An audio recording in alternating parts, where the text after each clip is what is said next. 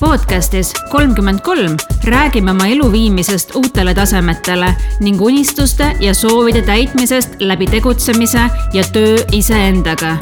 mina olen Kristel ja kui sa soovid kogeda elu ja täita unistusi kõikides võimalikes mõõtmetes, siis jää minuga ja astume koos, sest tegelikult on kõik võimalik.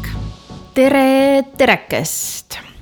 podcast kolmkümmend kolm, osa kolm nii, hakkame siis pihta. ma tegelikult istun juba tund aega siin laua taga, olles valmis salvestama. aga kõigepealt sattusin ma hoopis väikese shopping'u tegevusele. nimelt igal hommikul vannitoas olles ma mõtlen, et see peegel on liiga kõrgel, et oleks vaja näiteks stepipinki mulle sinna appi, et ma ei peaks alati vannitoa peegli ees olema kikivarvukil ja teise asjana äh, tre-, trenni tehes ma mõtlen, et mul oleks vaja stepipinki, et saaks paremini teha body pump'i harjutusi. ja niimoodi ma olen sellele iga hommik mõelnud kaks kuud vähemalt. ja siis täna ma otsustasin, et ma soovin selle ruumi lihtsalt oma peas vabastada, see ruum, mis on praegu hõivatud äh, täiesti mõttetult iga päev mõtlemisele, et mul on vaja stepipinki ja et ma kiirelt tellin, tellin selle omale ära enne kui hakkan salvestama täna. Läksin siis Kaup kahekümne neli ja jah, Kaup kakskümmend neli. seal oli üks äh, stepipink, nägi väga normaalne välja, maksis ainult kaheksa eurot. lisasin korvi ja siis selgus, et miinimumtellimuse summa on umbes kümme ja siis läks kogu ülejäänud aeg selle peale, et mida ma siis nüüd juurde tellin. tahtsin, et see oleks ikkagi vajalik ja, ja samuti midagi sellist, millele ma näiteks olen ammu mõelnud ja et võiks siis juba kaks linnukest kirja saada. lõpuks siis äh, jõudsingi järeldusele, millele ma olen ka ammu mõelnud, selline huvitav naiste temaatikasse kuuluv vidin. Et on olemas kunstripsmed, mida paigaldatakse magnetiga, et tõmbad selle laineri joone enne omale ripsmete kohale ära. ja, ja seal siis ilmselt on sellised magnetosakesed sees et siis äh, ripsmed kinnituvad tänu sellele lainerile ja ei olegi vaja liimi. et siis äh, homme saan kätte ja, ja proovin ära, aga jah, sinna läks planeeritust kauem aega. Ja siis teise asjana ma juba salvestasin ühe jupikese podcast'i tegelikult ära, aga siis tulid äh, tehnilised viperused, mida ma siin lahendasin ja lahendasin ja lõpuks põhimõtteliselt aitas ikka vana hea tõmbekorra juhe seinast välja. igatahes podcast kolmkümmend kolm, osa kolm. tänaseks teemaks on hommik. kuidas alustada päeva, ma ei taha öelda õigesti, aga ikkagi selles mõttes õigesti, et see hommik teeniks sind kogu ülejäänud päeva, et sellest hommikust oleks, oleks sinule kasu. Ja kui ma ütlesin oma elukaaslasele, et ma teen päeva alustamise teemalise episoodi, siis esimene asi, mis ta ütles, oli, et aga sa ju ei tee mingeid hommikurituaale. ja täpselt nii, äh, mul ei olegi siin episoodis plaanis rääkida tundide pikkustest hommikutegevustest, mis kõigile kohe pähe kangastuvad, kui nad kuulevad sõna hommikurutiin või hommikurituaal või hommikuharjumused nagu me teame, siis need on näiteks kell viis ärkamine või mingi viite tiibetlast hommikul teha, mis kusjuures ei võta tegelikult üldse kaua aega eh, aga mingi, osad räägivad, et aja ennast hommikul kindlasti higistama, et tee kohe selline äh, intensiivne trenn, et saad higi lahti. või siis tee hoopis joogat, mediteeri kümme, kakskümmend, kolmkümmend minutit ja, ja igasuguseid muid põnevaid ettepanekuid leiab nii internetist kui raamatutest, et mida kõike hommikul äh, teha näiteks enne, kui ülejäänud pere ärkab või, või enne, kui lähed tööle. aga mina tahan selle episoodiga öelda seda, et positiivsed rituaalid ei pea olema midagi sellist grandioosset ja pingutust nõudvat isegi. ja, ja mida näeb äh, kohe kõrvalt, et vot nüüd ta midagi teeb ja siis saad teha meditatsiooni asendis pildi ja Instagramis ka pasundada oma hommikurutiinidest. tegelikult ei pea asjad üldsegi olema nii suured ja nii ülemõeldud kõik lihtsalt ei ole kella viie inimesed ega hommikuse aktiivsuse inimesed, mina kaasa arvatud muidugi võib iga kell selleks inimeseks hakata, kui sa tõesti tunned, et see on see, mida sa tahad. aga kui ei taha, siis ei pea ennast halvasti tundma, kui sa nii-öelda kurude õpetusi ei järgi ja, ja hommikul enne tööpäeva algust juba seda, teist ja kolmandat ära ei tee. see ei tähenda, et sa oleksid kuidagi saamatum või halvem oluline on tunda end oma nahas hästi igal ajahetkel ja aktsepteerida seda, kes sa oled. Ja mitte minna kaasa kõikide jutumärkides ekspertide soovitustega. nopi siit ja sealt ühte koma teist ja pane enda jaoks meeldiv pusle kokku hoolimata sellest, kas me ärkame varem või hiljem, kas me teeme mingeid tegevusi juba enne tööpäeva või ei tee, soovime me inimestena et meie päev läheks hästi ja et meid valdaksid head tunded ja me saaksime õhtul rahuloleva naeratusega päevale tagasi vaadata. minu arust see on küll selline asi, mis meid inimestena ühendab, et ikkagi selline õnne, rõõmu ja positiivsuse või edukogemuse otsingul oleme me kõik. ja inglise keeles on lause If you can win the morning, you can win the day ehk siis, kui su hommik läheb hästi, siis läheb hästi kogu su päev. lihtsalt, kui me teadlikult, rõhk on sõnal teadlikult, päeva ei alusta, siis juhtub see, et me toimime oma vanal heal autopiloodil ja meie mõtted, tunded ja see jääb läbi järelikult ka käitumine käivad vana sisse tallatud rada. aga kui me tahame, et meie elu muutuks ja et iga päev oleks parem kui eelmine, siis tuleb ka oma mõtteid ja tundeid teadlikult jälgida. Sellepärast, et enne peavad muutuma mõtted ja alles siis saab muutuda reaalsus. paradoksaalselt tundub meile tihti, et enne võiks ju muutuda väliskeskkond ja noh, küll siis meie mõtted ka positiivsemaks lähevad. aga tegelikult see ei ole nii ükskõik kui hästi meil välise keskkonnaga on, kui me oleme harjunud leidma asju, mis meile ei meeldi või leidma asju, mis suudavad meis, meil näiteks tuju ära viia või mis on meie jaoks liiga rasked või halvasti, siis me leiame neid alati ja igalt poolt. seega teadlikult alustatud päev on väga vajalik aga millised siis on need komponendid, mis on lihtsad ja sundimatud ja ei nõua palju aega ega pingutust, kuid aitavad laduda tugeva vundamendi meie edukatele ja rõõmu täis päevadele. see siis ongi siin minu selline kõvahäälne arutlus sellel teemal, et kuidas võiks alustada päeva nii, et rituaalid ei, ei nõuaks seda suurt pingutust ega ajakulu ja kõrvalt vaadates tõesti jääbki mulje, nagu me ei teeks mitte midagi erilist. aga samas need väiksed asjad või võiksid olla sellegipoolest nii-öelda game changer'id meie jaoks.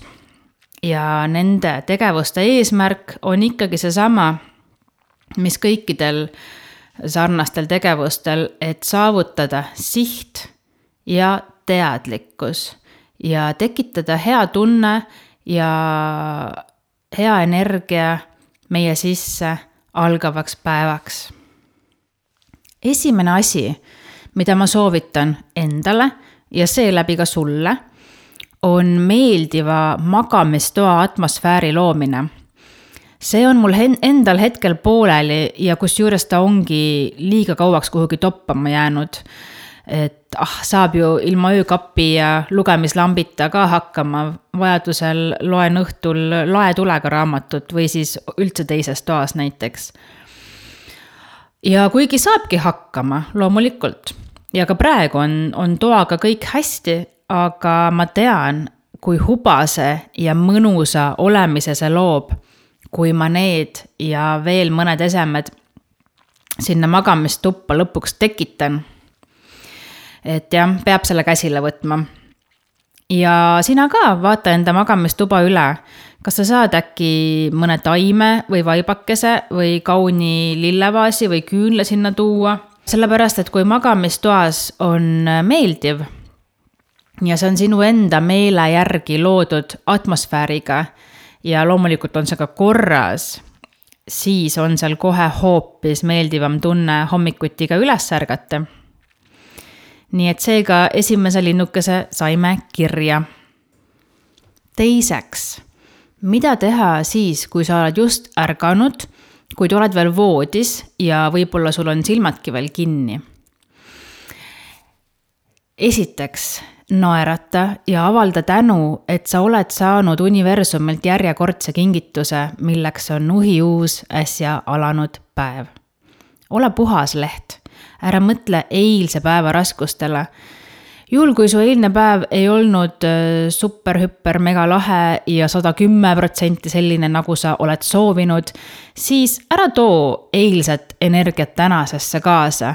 uus päev, uus valge leht ja päriselt ka, iga uus päev on kingitus.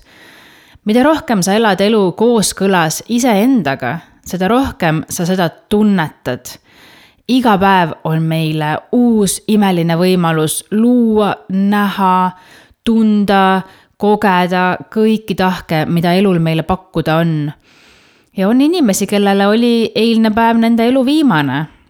seega igal hommikul, kui su pea padja pealt tõuseb, tea, et sul on põhjust tänulik olla. ja kui tänumõte otsa saab, saab veel mõelda nendele põhjustele, miks algav päev saab olema hea päev. mis sul seal hästi läheb? milles sa oled parem kui varem? miks on põhjust rõõmu tunda? no vot teine linnuke kirjas ja me oleme alles voodis pikali. kolmandaks, tõenäoliselt läheme me nüüd äh, näiteks hambaid pesema. Aga enne veel, kui me vannituppa jõuame, võiks juua klaasi vett. soovitatavalt sooja ja soovitatavalt sidruniga mul, mul on kuidagi nii suur usk sellesse, et see soe vesi mõjub seedelundkonnale hästi ja no sidrun loomulikult ka. aga nüüd vannituppa. see on minu jaoks alati olnud selline müstiline koht. mitte kõige paremas tähenduses. Lihtsalt eh, seal toimetades mul on nii lihtne kaduda oma, oma nendesse autopilootmõtetesse ära. näiteks kedrata peas mingit toimunud vestlust, mis on kunagi olnud või siis veel hullem, mingit vestlust või telefonikõnet, mis peaks toimuma, aga mida ma ei ole veel julgenud või siis saanud e-, ette võtta nii mul siis jutustavad peas kaks inimest mingeid äh, kujuteldavaid asju või siis teine variant, kui mul on olnud mingi hirm või ärevus millegi osas, siis hakkab see mul peas kruttima ja võimalikud halvad äh, stsenaariumid hakkavad mul peas end välja mängima. seetõttu ma tean, et vannitoas pean ma oma mõtetega olema kohe eriti tähelepanelik ja eriti teadlik kuna hammaste pesu on meil totaalselt harjumuslik tegevus, sest me oleme seda teinud ju terve elu, siis oleks väga hea mingi teine harjumus veel selle tegevusega linkida. just selline mõttetasandi harjumus. näiteks selline inimene nagu John Assaraf, kes on lisaks kõigele muule ka aju ja käitumise ekspert tema on soovitanud mõelda hammaste pesu ajal oma eesmärgile, moodustades selle lauseks. ma olen nii rõõmus ja tänulik, et ja siis sa ütled, justkui oleks sul see eesmärk juba saavutatud. näiteks kui sa tahad, et su ettevõte kasvaks viielt töötajalt kümnele, siis sa saad öelda, ma olen nii rõõmus ja tänulik, et mu ettevõttes töötab juba kümme inimest või siis midagi lihtsamat. ma olen nii rõõmus ja tänulik, et ma teen toidu osas alati enda jaoks parimaid valikuid ning käin kolm korda nädalas trennis. ma olen nii rõõmus ja tänulik, et ma suudan ilma hirmuta oma tunnetest rääkida ning meil on peres harmooniline läbisaamine ma olen nii rõõmus ja tänulik, et ma leian oma elus külluslikult aega nii iseendale, oma perele kui ka oma karjäärile. John Nassaraf selgitas sellise lause mõju just ajutöö perspektiivist, et see paneb tööle meie ajus just sellise osa, mis muidu tööle ei hakkaks, siis kui me oma eesmärgile teadlikult ei mõtleks või kui me ei teeks seda sellises vormis, et nagu oleks see juba juhtunud. seda räägivad ka teised autoriteetsed inimesed selles valdkonnas, et ega aju ei tee vahet päris reaalsusel ja sellel, mille me oma mõtetega sinna paneme. ja kui me tahame oma reaalsust ehk siis ka ajutööd suunata ühes suunas siis me saame seda juba oma mõtetega tegema hakata. ja meie aju hakkab langetama vastavaid otsuseid, nagu oleks see reaalsus, mida me tegelikult alles soovime, nagu oleks see juba käes. Aga kui lause kordamine sulle ei sobi või ei meeldi, siis teine tore variant endale sobiva mindset'i tekitamiseks on panna omale vannituppa kas peegli külge või sahtlisse, kui sa ei taha, et kõik seda näevad, eh, silt või sildid erinevate eesmärkide või siis lihtsalt toetavate lausetega. näiteks selliste lausetega, mis aitavad tõsta su eneseusku, teotahet, motivatsiooni. ja kui sa üldse mingeid lauseid ei taha, aga tunned, et võid samuti nagu mina vannitoas oma täiesti ebavajalikesse uitmõtetesse muidu liiga ära kaduda, siis muusika või podcast võivad ka sind selles osas väga hästi aidata. ma tean, et inimestel on isegi veekindlad kõlarid kuskil seal duši nurga lähedal, et et isegi duši all olles äh, kuulata midagi meeldivat Äh, kui mina mõtlesin selle peale, mida ma rohkem mõelda, tunda tahaksin, kuid mida ma argipäevas kipun unustama, siis mul tuleb ikka ja jälle meelde üks lause.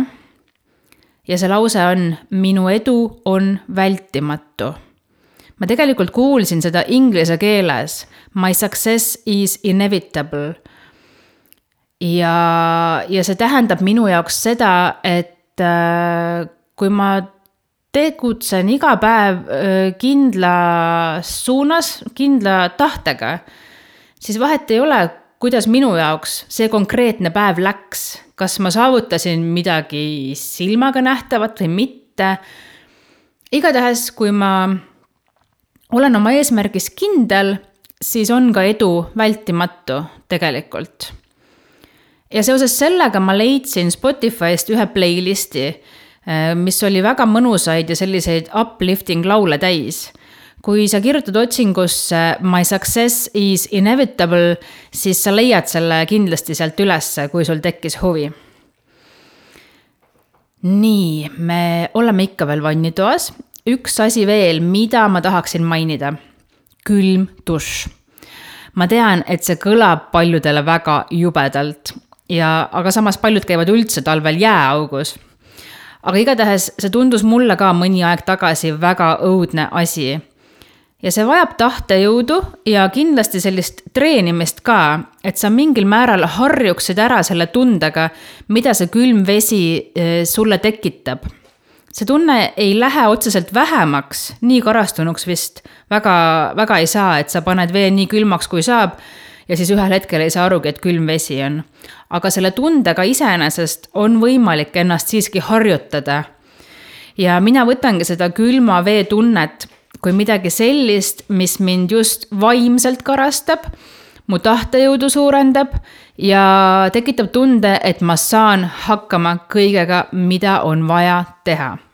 soovitan igatahes proovida ja lisaks vaimsele tervisele mõjub külm vesi ka füüsilisele kehale hästi. aga kuidas täpsemalt, seda saad kindlasti guugeldades paremini teada.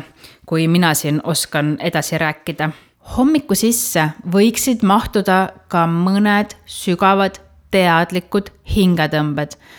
lihtsalt kasvõi selleks, et oma keha mõnusalt hapnikuga täita ja sa igas mõttes siis nii-öelda käima saada eriti kui me hakkame kiirustama, mis on hommikutele väga omane, siis me unustame tihti hingamise ja automaatselt hakkame hingama kas katkendlikumalt või lühemalt, mis omakorda teeb tegelikult meid füüsilisel tasandil veelgi ärevamaks või selliseks kiirustavamaks. nii et sügav hingamine on kindlasti üks asi, millele võiks ka paar minutit pühenduda eriti super, kui sa saad samal ajal ka pea uksest või aknast välja pista ja teha seda värske õhuga koos. aga jällegi, tegelikult see ei nõua meilt üldse palju, aga annab väga palju meie enesetundele juurde. nii, hommikusöögil ma ei peatu ja oletame, et sa oled nüüd teel tööle või kooli või lapsi sõidutamas mida mina isiklikult kunagi autos ei tee, on see, et ma ei kuula raadiot. autosõit, olgu see kasvõi viisteist minutit linnasõitu, on nii hea võimalus kuulata midagi endale vajalikku või meeldivat. enamasti midagi inspireerivat või õpetlikku ja ikka sellist, mis mindset'i paigas aitab hoida Mindseti all ma igaks juhuks äh, kordan üle, et mina pean silmas neid omadusi, mida ma tunnen, et mul on igapäevaelus vaja.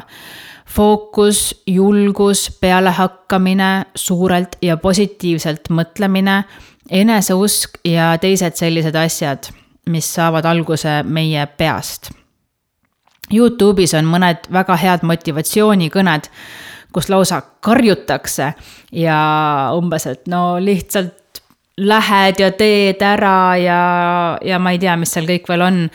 et sellised jah, sellised motivatsioonikõned kuluvad vahel ka väga ära, oleneb päevast ühesõnaga, kui sa kõnnid või sõidad kuhugi, siis mina soovitan toita oma kõrvu millegi kasulikuga ja viimane etapp meie tänases hommikujutus on see, kui me oleme maandunud oma töölaua taha. ka siin saab veel nii mõndagi ära teha, et järgnevad tunnid saaksid sinu jaoks olla lihtsalt suurepärased. see oleneb nüüd sinust, kui palju sa tahad veel nende nii-öelda rituaalidega tegeleda või tahad hoopiski kohe töösse sukelduda aga ma käin siin mõned variandid ikkagi välja küll. esiteks, pane kirja või mõtle või loe üle, kui sa oled juba varem kirja pannud, oma suur miks. miks sa teed seda, mida sa teed?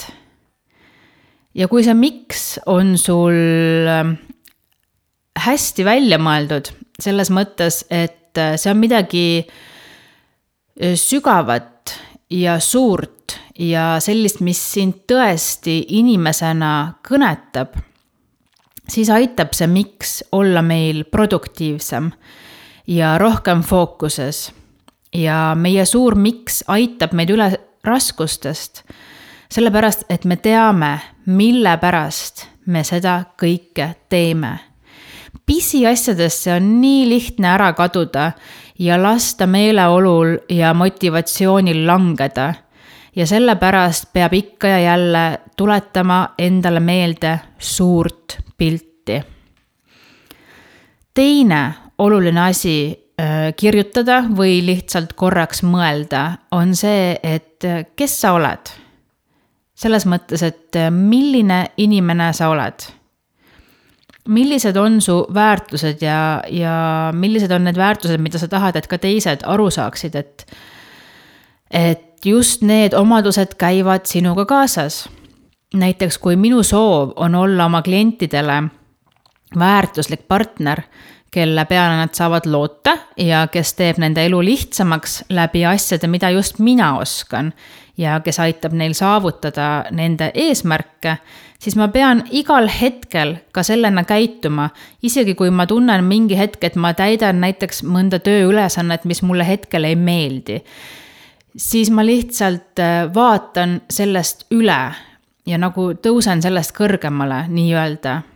sellepärast, et ma olen läbi mõelnud, mis on minu miks ja milline inimene ma olen või kui mu soov on hoopis olla rahumeelne lapsevanem, kellel on oma lastega lähedased suhted, siis seda väärtust endale pidevalt meelde tuletades ma ei lase enam hetke emotsioonidel end ära kanda, vaid mul õnnestub suurema tõenäosusega jääda kannatlikuks vanemaks. näiteks minu laps on seitse, aga sügisel tema kooli ei lähe, vaid jääb koduõppele ehk siis me jääme koos temaga koju. ja kindlasti tulevad seal ka keerulised hetked ja rasked hetked. aga kui ma tuletan endale meelde seda, miks ma nii otsustasin ja visualiseerin seda pilti, milline ma tahan, et meie kodune elu oleks ja milline ma tahan ise lapsevanemana olla, siis see aitab mul üle olla nendest hetkedest, kus võib-olla on keerulisem siin kõik äh, koos kodus toimetada, õppida, tööd teha ja nii edasi. väärtuste kirjapanekuga haakub ka soovitud tunnete kirjapanemine või, või jällegi läbimõtlemine kas või korraks. mida sa soovid oma päevast tunda? kuigi tundub, et tunded tekivad vastavalt olukordadele ja olukorrad tekivad ju vastavalt väliskeskkonna mõjudele, siis tegelikult suures osas me ise kujundame oma tundeid, mitte nad ei juhtu kogemata või vastavalt olukorrale. on olemas väga hea termomeetri ja termostaadi võrdlus. kui sa oled termomeeter, siis sa reageerid ümbritsevale keskkonnale koheselt ja su näidik siis kas tõuseb või langeb vastavalt sellele, mis mõjutuse sa väliskeskkonnast saad, on ju. aga termostaadid seevastu on sätestatud kindlatele soovitud parameetritele ja kui ka väliskeskkonnas midagi muutub, siis termostaat hakkab teadlikult töötama selle nimel, et algne olukord tagasi saada ja seda hoida. ehk siis otsusta ära, mis tundeid sina soovid tunda ja tegutse sellele vastavalt ja ära lase teistel tunnetel enda üle võimust võtta. tunded, mida mulle näiteks meeldib tunda, on armastus, uudishimu, põnevus, innukus. et, et ka nendele tülikamatele ülesannetele, mis päeva jooksul võivad siin-seal ette tulla mina soovin valida, läheneda pigem kuidagi innukalt ja põnevusega, et, et äh, kuhu see mind viia võiks või mida mul on siit veel õppida või kui põnev on see õppimisprotsess, et näed, ma praegu näiteks ei oska midagi või seisan mingi küsimuse ees ja vot hakkame nüüd põnevusega seda probleemi lahendama siis veel mulle meeldivad tunnetest selline ühendus, pühendumine. ma tahan teha oma asju pühendunult. ja vahel ma võib-olla unustan selle ära, kui näiteks vaatan kella ja kuskil on kiire või ma ei tea, mis iganes, nii lihtne on rajalt kõrvale libiseda. aga kui ma tuletan endale meelde, et neid asju ma tahan tunda, siis ma nii kergelt lihtsalt ei kuku sellelt rajalt kõrvale. ja, ja lisaks veel siia tunnetele juurde tänu, rahu ja rõõmu. kui sa kasvõi midagi neist eelnevaist, mis ma siin just rääkisin, korrakski läbi mõtled, siis sa võid kindel olla, et sul on päevaks selline suund paigas ja sa ei ole tuulelipp ega hulpiv laevuke, mida kõik päeva sündmused ja teised inimesed kõigutada saavad. vaid sa ise juhid oma päeva ja kõikidel segajatel on raske löögile pääseda. viimase asjana tänases hommikus, mida sa saad enda heaks teha, eriti kui sa oled äh, to-do listi inimene või sulle meeldib ikkagi läbi mõelda, mida täna on vaja teha, siis äh, tee see to-do list realistlik ära ole endaga ülekohtune ega loobi sinna lõputult asju sisse. mina tegin enne pidevalt nii, et ladusin listi kõik, mis vähegi meelde tuli ja teades, et need ei saa ühe päeva jooksul tehtud. aga ma mõtlesin, et küll ma siis järgmine päev jätkan.